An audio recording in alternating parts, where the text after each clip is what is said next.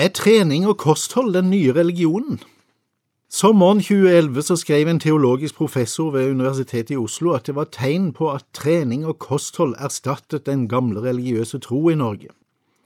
Og nå, ti år seinere, så ser vi at dette var en profeti som i stor grad har gått i oppfyllelse. Det er iallfall ikke langt unna sannheten. Noen tror at sekularisering av et samfunn fører til et religionsfritt samfunn.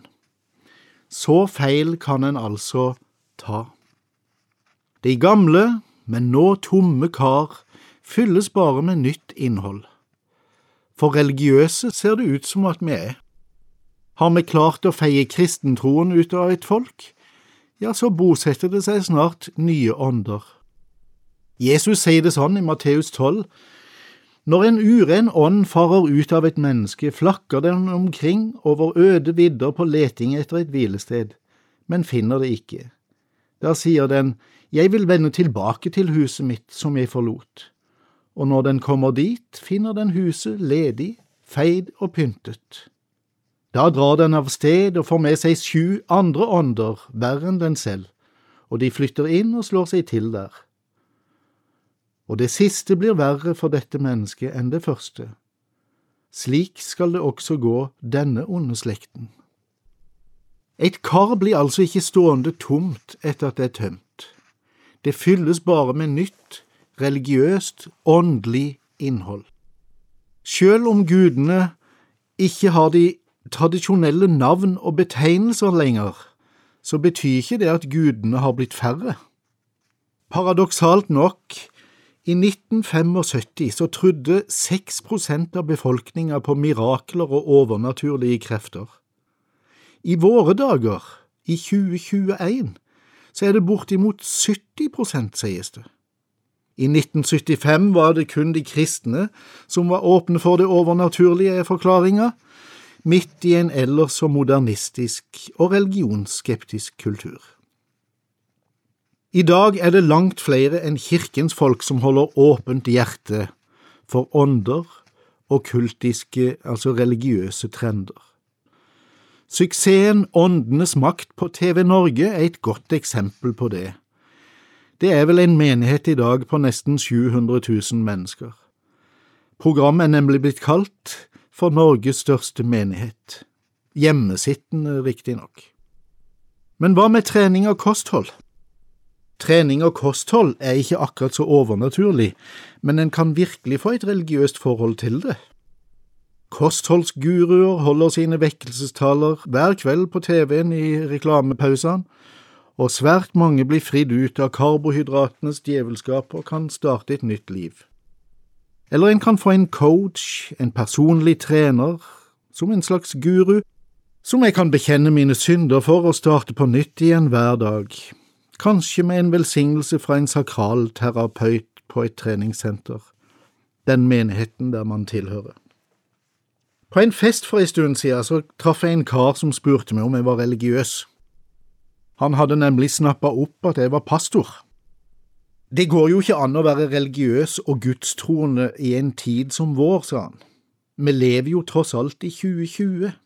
Vi er kommet lenger, forstått det meste, og framtida er lys og lang for denne jord.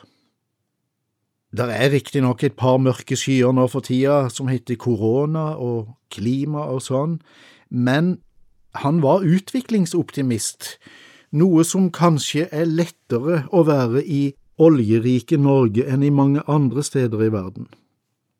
Det viste seg òg at han var en svært ivrig syklist, så jeg sa til han at jeg tror ikke jeg er noe mer religiøs enn det. Han lurte veldig på hva jeg mente med det. Og da klarte jeg ikke å holde meg, og jeg spurte han om følgende. For det første, lette samvittigheten din etter en lengre treningsøkt? Og ditto skyldfølelse når du ikke får trent? Og svaret var et ubetinga ja, så ærlig var han. For det andre, kjenner du det meningsfylt å tilhøre et treningsmiljø et sykkelfellesskap eller menighet? Ja, dette var uten tvil ukas høydepunkt for han, de hadde sine lange turer nettopp på søndag formiddag. For det tredje, tror du at treninga utsetter døden, gjør deg lykkeligere og sparer deg for mye ondt? Ja, han følte faktisk at jeg traff spikeren midt på hodet. Går det altså an å ha et religiøst forhold til treninga? Nå er ikke jeg noen motstander av verken sunt kosthold eller trening. Jeg er ute og springer litt sjøl, hver uke. En kan få et sunnere liv av den slags. Men så mye klokere av det er jeg ikke sikker på at vi blir. Hør og Paulus skriver til Timoteus for snart 2000 år siden.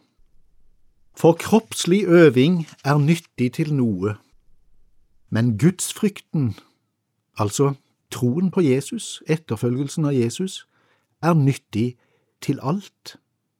Den har i seg løfte både for dette liv og for det som kommer.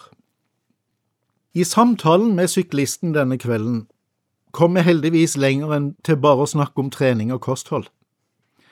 Vi snakka om hva som er sant og hva som ikke nødvendigvis er sant, om det å avvise kristen tro på grunnlag av utviklingsoptimisme, det er jo ganske dumt. Fortellingen fra Bibelen kan jo være like sann for det, og er den det, ja, så er ikke Jesus uvedkommen eller fremmed for noen av oss. Er han sannheten, som han sjøl hevder, ja, da angår han alle, om vi vil det eller ikke, om vi glemmer han eller ikke. Derfor er min oppfordring til oss alle, ikke glem Jesus, gå han heller i møte med et ja, med et åpent sinn. Til slutt et lite ord av C.S. Lewis. Jeg tror på kristendommen like sterkt som jeg tror at solen sto opp i dag. Ikke fordi jeg ser den, men fordi jeg ser alt annet på grunn av den. Amen. Over en bibel var ved Inge Flåt. Serien produseres av Norea, og hver fredag formiddag tilbyr vi forbønn. Du kan ringe oss på telefon 38 14 50 20, 38 14 50 20, fra klokka 9 til klokka 11 på fredag. Eller du kan sende oss en melding når som helst på døgnet hele uka til postadressen post alfakrøll norea.no.